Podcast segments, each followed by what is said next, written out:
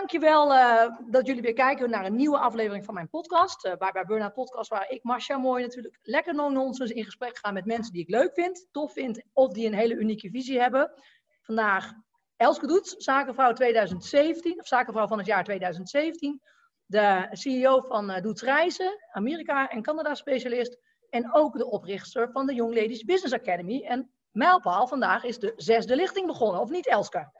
Nou, niet vandaag, over oh. anderhalve week. Oh, sorry. Ik zag vanmorgen iets op mijn Facebook of op mijn LinkedIn voorbij komen dat de 6.0 weer losgaat. Mijn excuses over anderhalve week. En hoeveel uh, dames heb je in je Business Academy? Hoeveel jong ladies zijn er uh, gaan er starten? Ontzettend veel. We zitten over de 100 kandidaten. Oh, wow. dus, uh, dus dat is een grote uitdaging. Dus daarom ben ik deze weken ook aan het besteden om ze weer even allemaal te spreken. Ja. Zodat ik ze allemaal goed op mijn netvlies heb. En ook weet waar ze behoefte aan hebben. Hey, en uh, wat is jouw rol daarin? Want ja, ja, dus, wat, wat wil jij met de Young Ladies Business Academy? Ik ken het wel, maar de lezer of de luisteraar misschien niet. Nee. Nou, de Young Lady eh, Business Academy richt zich op uh, een hele brede doelgroep. Dus het zijn jonge dames tussen de 15 en 24 die ambities hebben om in, uh, nou ja, als ondernemer, als politica, als wetenschapper of een corporate carrière nou ja, te gaan shinen. Uh, alleen hebben ze toch nog wel wat uh, buiten dat perfecte cv wat ze aan het opbouwen zijn, heel veel skills nodig. Dus ik bevrijd ze eigenlijk om voor die ambitie te gaan. En het is eigenlijk mijn doel met die Academy om te zorgen dat er gewoon meer vrouwen in sleutelposities komen zonder allerlei gekke kunstgrepen. Ja, precies. Dus je leert ze natuurlijk ook de dingen die je op school dus niet leert. Juist. Ja, goed zo. Heel fijn. Ja, ja. ja, maar ik zie wel kandidaten langskomen die, waarvan ik denk, jeetje, wat kan ik daar nog aan toevoegen? Maar daar is dus nog heel veel aan toe te voegen. Leuk, hè? Vooral op persoonlijke ontwikkeling, zeg maar. En eh, wat ook heel erg belangrijk is, ik denk ook een parallel heeft met wat jij doet. Als je oprechte aandacht geeft, zoals ik nu al die honderd kandidaten dus allemaal nog een consult uh, met ze afnemen eigenlijk, om even hen op mijn netvlies te krijgen, dat, dat, dat, dat doet wonderen. Uh, en uh, dat is vaak ook een enorme belangrijke oplossing. En dat is een heel simpel recept eigenlijk. Gewoon oprechte aandacht. Ja, ja, absoluut. Ja, nou ja, wij, ik heb een aantal van die meiden ontmoet. Twee of drie toen ik bij jou bij uh, Doets Reizen was. Toen we waren ja. daar uh, met de Next Women waren we er toen. En één had jij meegenomen toen uh, mijn boeklancering was. Mm-hmm. Hoe is het met haar? Zij was mee, superleuke meid. Ja. Heb je, je hebt, neem aan dat je nog contact met hebt, of met oud-deelnemers? Ja, zeker, zeker, oh, zeker, hoe, zeker. Hoe is het met ze? Nou ja, zij, gaan, zij nemen natuurlijk, want ik zet ze eigenlijk aan met die Academy. Hè? Dus ze ja. hebben vaak heel veel schroom om toch voor die ambitie te gaan. Dus naar aanleiding van die Academy gaan ze vaak inderdaad ondernemen of gaan ze echt stappen nemen om dat te gaan doen wat ze in gedachten hebben. En dat begint vaak ook met het uitspreken daarvan. Dus als ja. je het niet, heel veel, vaak durven ze dat niet uit te spreken. Ze hebben in hun hoofd uh, dat ze bijvoorbeeld minister willen worden of uh, de Nobelprijs willen uh, winnen, maar dan weet niemand dat in de omgeving. Ja, het gaat, begint natuurlijk met het visualiseren en natuurlijk ook het concretiseren en het uitspreken daarvan, van die ambitie. Ja, ja, ja, ja. en ze hebben de potentie. Ik bedoel, het zijn knappe meiden met een kopie en ze doen echt een aantal van die meiden echt wel leuk, die, die ik, ik dan gesproken heb, ik ken ze nu ja. niet allemaal. Ja, heel leuk. En ook dat ik echt onder de indruk was. Ik dan denk, je bent zo jong en je hebt dit al voor elkaar. Ja, Als je dit nu al voor elkaar hebt. Ja, ze zijn briljant, maar het is mijn taak om ze wat bravoure bij te brengen. Nou, nou, ik ken jou, ik denk dat jij dat ook wel kan. Want uh, ja, met braafheid ga je die apenrots niet beklimmen. Dus dan leer ik nee. ze toch een beetje om uh, wat meer bravoure te hebben. Want niemand zit te wachten op het perfecte cv. Je moet wel blijven hangen. Ja, en uh, ik, volgens mij was de term balanstrutjes van jou. Ja, zeker. ja, zelfs in de vandalen. Ja, ja, ja, ja, ja. Nou ja, ik, ja. Vind dat echt, ik ben het daar volledig mee eens van die mensen. Ja, ik bedoel, in mijn ja. vakgebied zijn we altijd over balans aan het kletsen. Terwijl ik dan denk, ja, mijn wallen zitten tot hier. Om de simpele reden dat ik uh, snoeihard aan het werk ben. Want uh, voor niets gaat de zon op, maar dat is dan ook het enige. En uh, ja, dan, Ik, ik ben altijd heel ik vind jou heel prettig om mee te praten, maar ook als ik je ergens zakelijk tegenkom, dan denk ik, ja, ga maar staan. Jij, jij vertelt het ze wel. Ik ook, maar jij doet het ook en daar hou ik van. Weet je, gewoon ja. echt een, hoe, hoe, het echte leven in elkaar zit. Ja, kijk, het is belangrijk uh, als je uh, als vrouw, maar ook als man iets wil bereiken. dat je daarin keuzes maakt. Je kan dan niet alles doen. Hè? Je, als je een topsporter bent, kan je ook niet uh, enorm veel uitgaan. Dus je moet keuzes maken. En als je maar in een soort slachtofferrol blijft hangen, wat heel veel vrouwen hebben, die zeggen ja, ik kan pas carrière maken als de crash gratis is. Nou, kinderen heb je ook niet voor je hele leven. Uh, die gaan ook niet hun hele leven naar de crash. Dus dan worden er allemaal voorwaarden gesteld voordat ze wat bereid zijn om te doen. En terwijl ik denk, nee, als jij gewoon iets wil en niet alles wil, want dat werkt niet in het leven, uh, dan kan je pas stappen maken. En dan zijn die belemmeringen die genoemd worden nu geen belemmeringen meer, want dat kan je gewoon regelen. Net als mantelzorg. daardoor gaan vrouwen ook niet de top bereiken, wordt dan gezegd. Nou, dat vind ik onzin, want uh, als jij gewoon de top gaat bereiken, dan heb je genoeg middelen om mantelzorgers in te huren. Ja, klopt. Ja, ja, ja, ja. ja, jij bent natuurlijk zelf zakenvrouw van het jaar 2017 geweest. Heb jij, misschien een hele onbeschofte vraag hoor, maar heeft dat veel deuren voor jou geopend of had je zoiets, ik, anders opende ik ze zelf wel? Nee, het heeft vooral mij wakker gemaakt. Dus, uh, en dan opent het deuren als je daar iets mee wilt doen. Uh, maar ik was als ondernemer, totdat ik die zaakvrouw van het jaar werd, heel erg bezig met de groei van mijn bedrijf. Uh, met mijn klanten, met mijn leveranciers, met mijn team. Mhm. Eigenlijk wel vrij eenzijdig. En ik keek eigenlijk helemaal niet naar buiten. En door die titel ben ik echt naar buiten gaan kijken. En ben ik dus heel erg maatschappelijk betrokken geworden. Daardoor heb ik dus die Academy opgericht. Omdat ik dacht, als ik dan toch iets moet doen aan emancipatie, want dat wordt van je gevraagd als je die titel krijgt, dan moet het ook gelijk goed. Mhm. En uh, als ondernemer kan je natuurlijk het verschil maken. Ja. Heel goed, want anders uh, niemand zit op jou te wachten. Dus je moet elke dag weer opnieuw dat verschil maken. Klopt. Dus als je dan maatschappelijk betrokken inzet, kan je ook enorm snel het verschil maken. En ja, het heeft mij enorm veel deuren geopend. Ik ben bijvoorbeeld drie keer bij Rutte geweest, ook met uh, Young Ladies een aantal keren.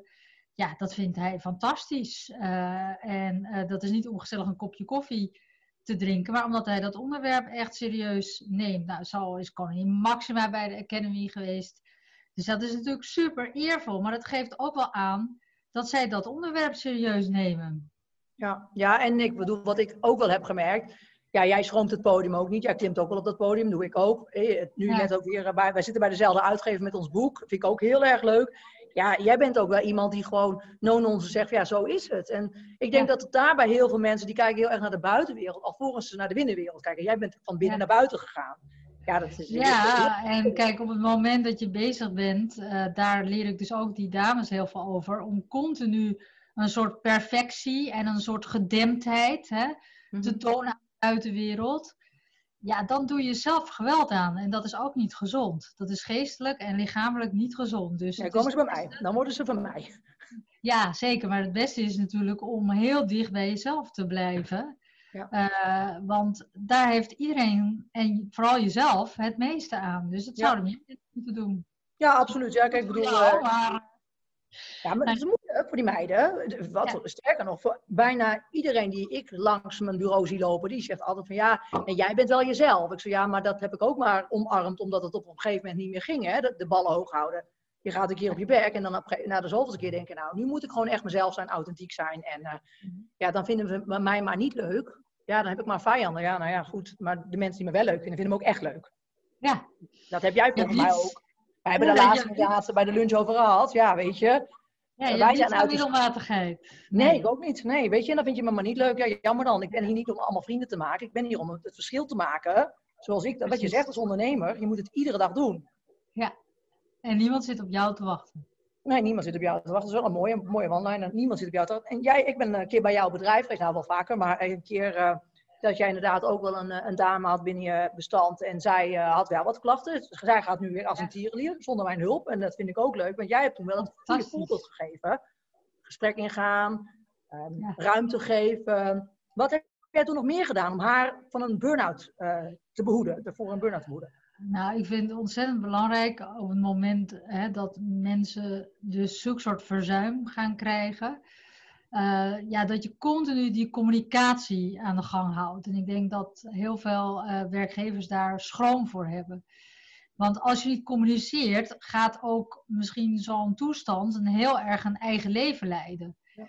Dus ja, ik, ik vind dat dus ontzettend belangrijk. En ik dacht, ik moet hè, dus Masha bellen, omdat ik zag, ik hoorde van haar dat de instanties, uh, zoals GGZ, eigenlijk niets deden. Ze moest gewoon maar een online schermpje invullen.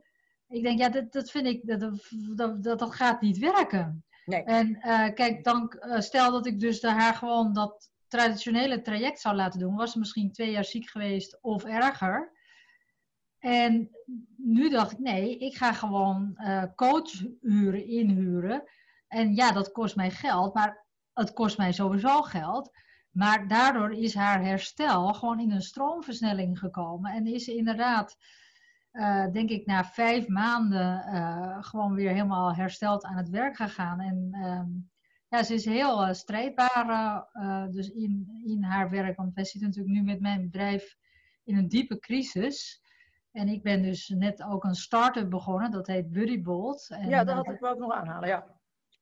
Nou ja, dus mijn hele team moet opeens van reizen verkopen, uh, wat we nu niet kunnen doen, zich inzetten voor de start-up en uh, zorgen dat het namens bekendheid komt.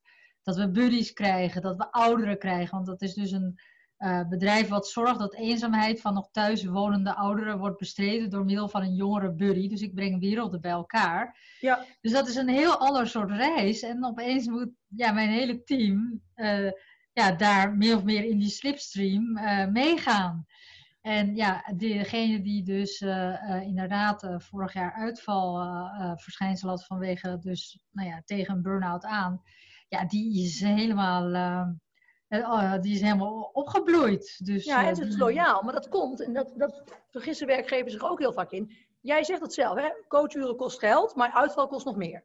Ja. Maar op het moment dat jij een werknemer, dus dat jij goed werkgeverschap laat zien door, door er voor die werknemer te zijn, komt de loyaliteit keer tien.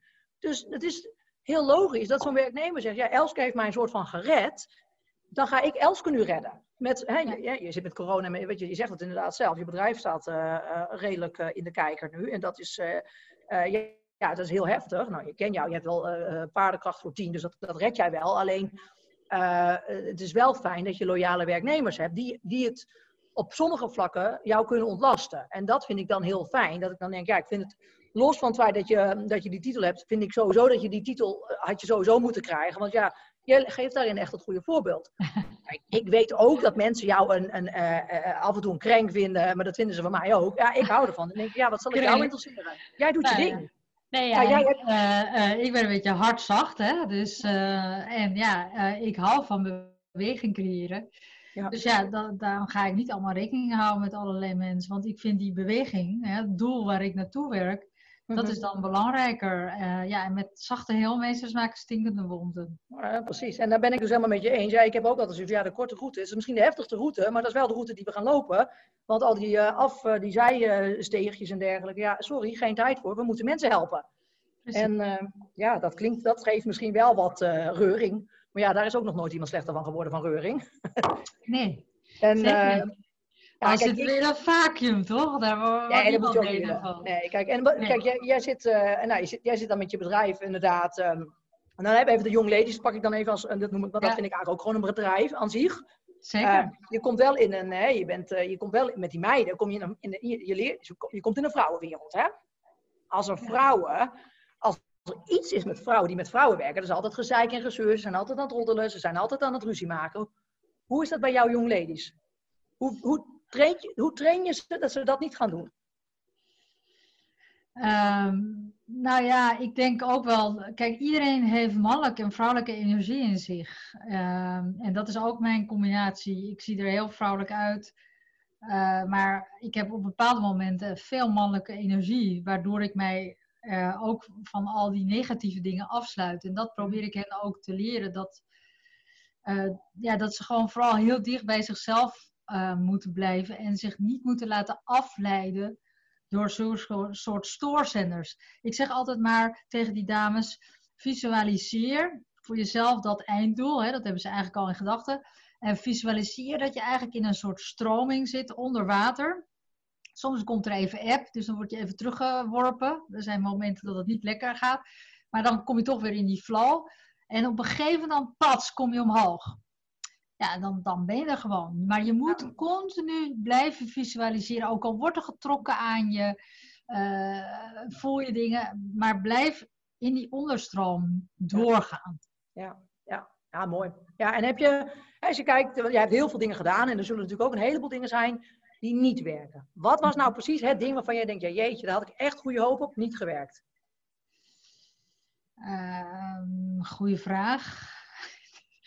Ja, dat gaat je niet makkelijk maken, hè? Dat weet nee, nou ja, ik, ver, ik vergeet dat snel. Ik heb ooit, dat is heel lang terug, uh, heb ik bijvoorbeeld, uh, ben ik iets gestart, het heette Elskes Deluxe Choice. Ja. Dat was in de jaren ja, 2000, dus 20 jaar terug. Ja. Dat was met boutique hotels. Uh, nu oh, is dat heel normaal, maar toen was dat net nieuw in Amerika. En ik dacht, dat, dat is interessant, daar moet ik iets mee doen.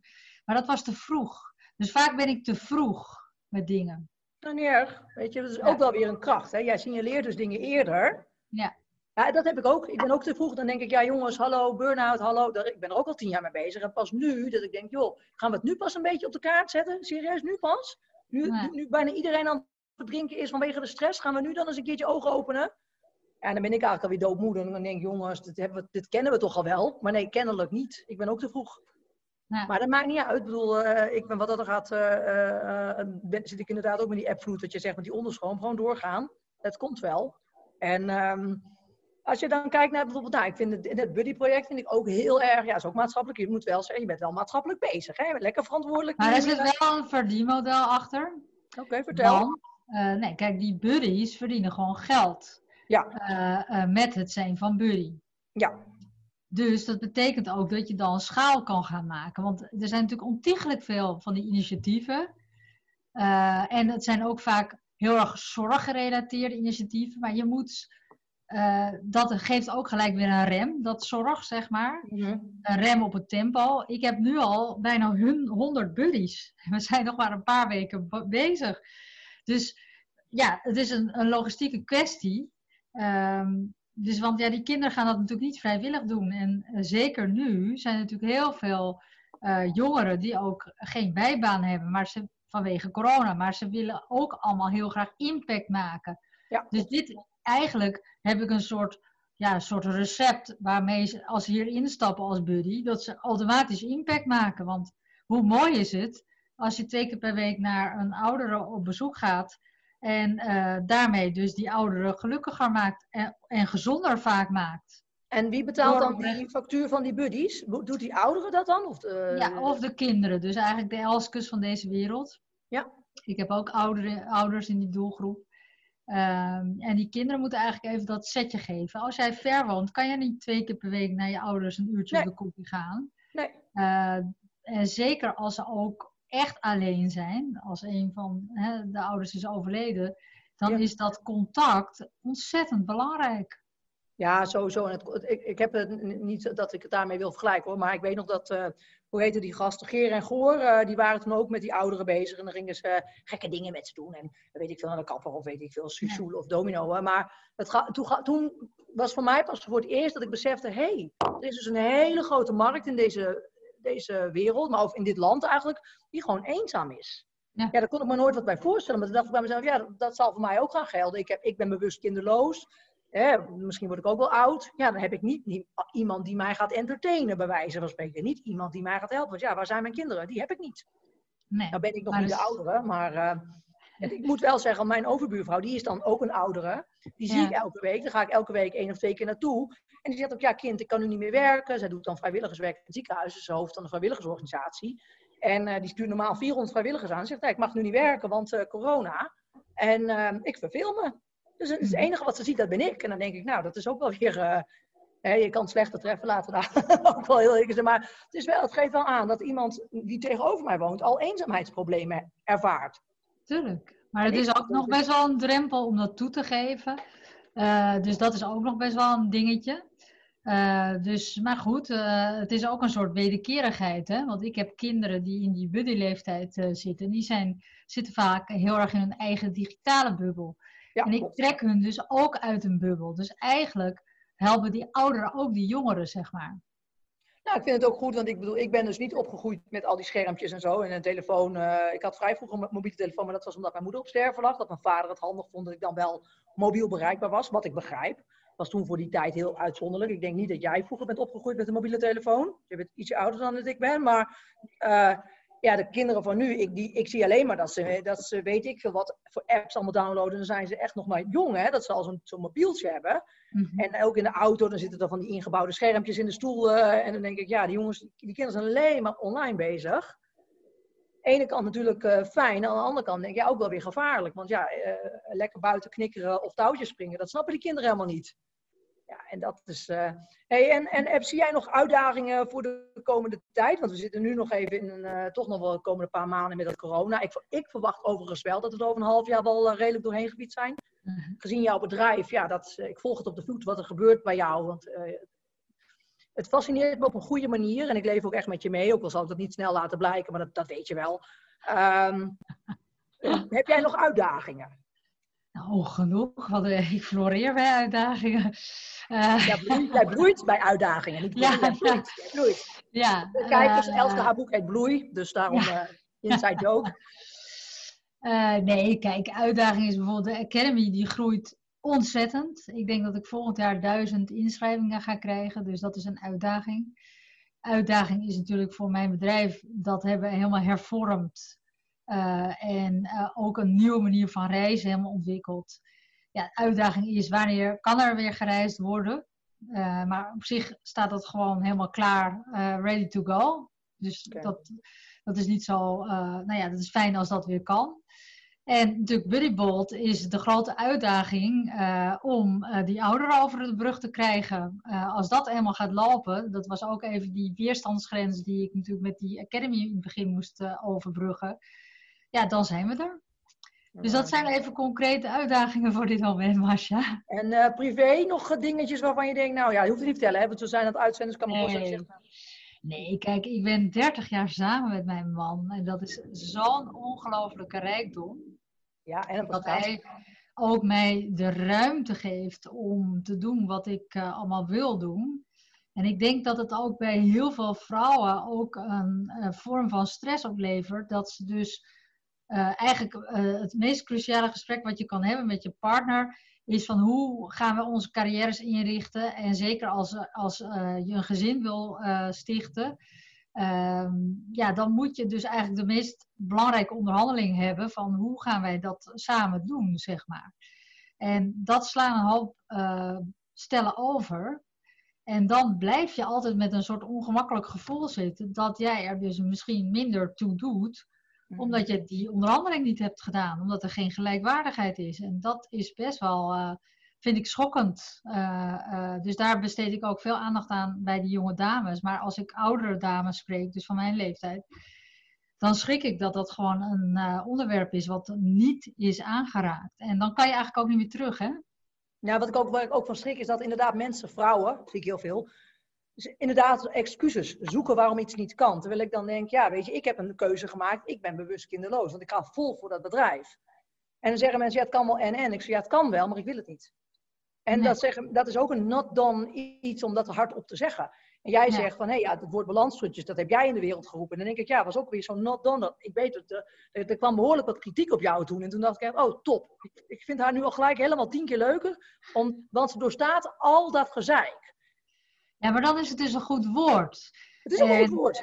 Uh, kijk, dat dan al die dames dus allemaal willen yoga, willen koken, willen tuinen, leuke vriendin wil zijn, leuke dochter, leuke vrouw. En dan ook nog een baantje. Ja, dat gaat natuurlijk niet werken. Dus je zal keuzes moeten maken. En dat is niet leuk om te horen.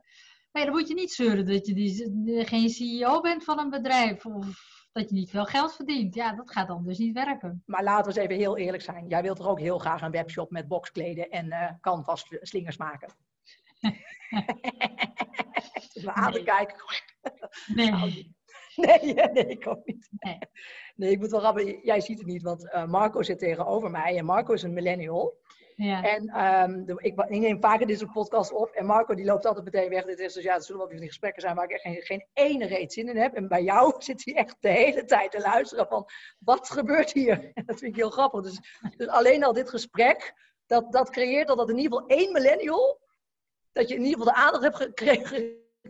En je moet ook als vrouw veel meer met de mannen praten. Als ik in een kroeg ben, dan uh, praat ik ook het liefst met mannen. En uiteindelijk is dat ook de magische carrière truc. Als je verder wil komen als vrouw, moet je gewoon heel vaak met oudere mannen gaan praten. Omdat je onwijs veel van ze kan leren. En omdat zij ook jouw posities kunnen gunnen. Dus doe, doe, dat gewoon. Ja. En ga niet inderdaad bij, uh, bij je vriendinnetjes uh, lekker veilig uh, zitten. Nee, Brengt je niets. Nee, werkt niet. Behalve gezelligheid. Marco moest heel hard lachen toen jij zei, ik sta in de kroeg het liefst met mannen te praten. Marco die zei echt, ja, ik ook. maar die is natuurlijk niet altijd met mannen. Dus. Gelukkig. Ja, ik kan er niet naar de kroeg, dus dat is een ramp. Nee, dat is even ramp. En uh, dat, is, dat is ook inderdaad. Maar ja, ook dat, het komt allemaal wel weer. Ik, ik ben altijd heel erg van, uh, oké, en nu hebben we deze uitdaging, dat doen we in corona. Nou ja, we zien het wel. Kijk, mensen denken nu bij mij, ja, mas, het is corona, stress, burn-out, het viert allemaal hoogtij. Ja, maar bedrijven hebben nu ook de angst om failliet te gaan Kijk, ik verdien mezelf al terug, dat is altijd zo gebleken. Maar ja, geld uitgeven, als geld er nu niet is, snap ik ook dat je dat niet doet. Dus ik zeg ook, ja, voor mij is het nu net zo keihard wikkelen als voor andere organisaties. Het onderwerp mag dan wel uh, aan, uh, aan de lopende band uh, in de media voorbij komen. Het is niet zo dat daardoor nu alle werkgevers in de rij zijn, goh, we gaan Masjas even lekker inhuren. Dus ik verwacht dat mijn, hoogte, mijn hoogseizoen zal dan wel in het begin voorjaar komen. Als we weer terug naar kantoor moeten. Of, want heb jij, verwacht jij nog dat het lang gaat duren, dit corona-gedoe? Of ja, ik noem het corona-gedoe? Ja, dat is een goede vraag. Um, nee, ik volg heel erg de lijn van die Harvard-wetenschappers. Die zeggen dus dat dit jaren onder ons blijft. Uh, dus dat gaat muteren. Het is nu al gemuteerd. Uh, het kan zijn dat we inderdaad te maken krijgen met meerdere lockdowns. Dus we hebben nu een tweede lockdown eigenlijk. Dus er kan nog één aankomen. Misschien nog twee, weet ik niet.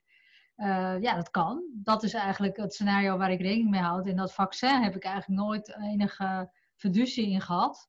Nee. Um, maar ik denk ook dat we moeten accepteren dat uh, het eigenlijk een soort ja, antwoord is op onze mateloosheid, corona. Want ja, we, we consumeren enorm veel, we, uh, we bewegen heel veel, hè? dus heel veel mobiliteit, eigenlijk ongeremd ja, dat, dat, trek, dat trekken wij dus eigenlijk helemaal niet. En dat trekt ook de aarde helemaal niet.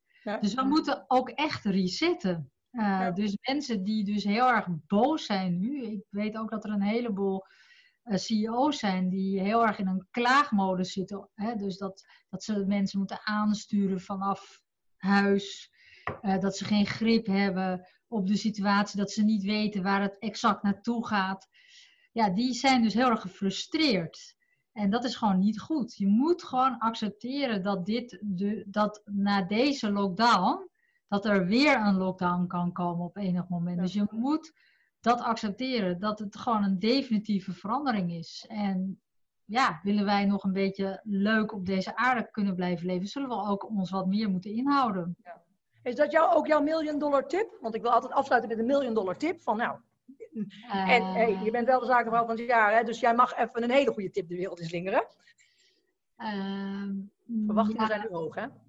Ja, nou ja, kijk, ik denk mijn multimil, nou, ik denk dat mijn allerbelangrijkste tip is, als je kijkt naar het onderwerp waar jij heel erg druk over maakt, is, um, ja, ik, ik word altijd een beetje opstandig dat nu allemaal mensen borrelplanken gaan sturen naar hun thuiswerkende medewerkers. Dan denk ik, besteed nou eens echt aandacht aan die mensen. Kijk ze nou eens echt aan. Dat kost niets. Doe het nou, want dan zie je pas echt wat er speelt.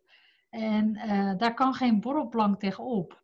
Uh, dus, en dan kan je ook dingen voorkomen als burn-outs. Ja. Nou, dat heb jij toen goed gedaan met die medewerker. Je signaleerde het, je belde mij, ik kwam een keertje langs en daarna heb je het roer zelf weer overgenomen. En denk ik, ja, wat dat dan gaat, je bent nooit een betalende klant bij me geweest. En toch denk ik altijd, ja, ik reken jou altijd wel als een van mijn meest waardevolle klanten. Terwijl je nooit een betalende klant bent geweest.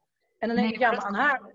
Sorry? Omdat ik in Amsterdam zit, anders had ik dat wel gedaan natuurlijk. Ja, nee, maar je had... Ik wilde een coach hier in de buurt, ja. Nee, nee, het lag ook niet aan mijn dienstverlening. Het lag gewoon, je had, je had een goede oplossing. En dat, en dat was ook de beste oplossing. En dat, dat, dat, was ook, ook, weet je, maar bij mij was het toen... Ik vond het ook niet erg. Ik had echt zoiets van, er is nu voor de werknemer de best passende oplossing dat is dan toch het meest geweldige wat je dan, Precies. Wat, wat jij kan, had kunnen doen, maar ook ik. Want ik had me er ook niet zo lang bij gevoeld als ik eentje van mijn coaches doorheen had geschoven. Terwijl ik dan denk, ja, waar, daar ben ik financieel misschien heel even mee geholpen.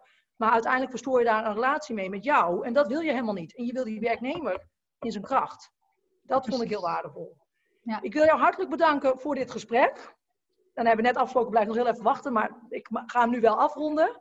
En dank je wel. Uh, voor alle luisteraars en kijkers, joh, vind je dit waardevol? Deel het, like het, share het. Uh, love it, like it, share it. Weet ik wat ze dan allemaal zeggen, die mensen.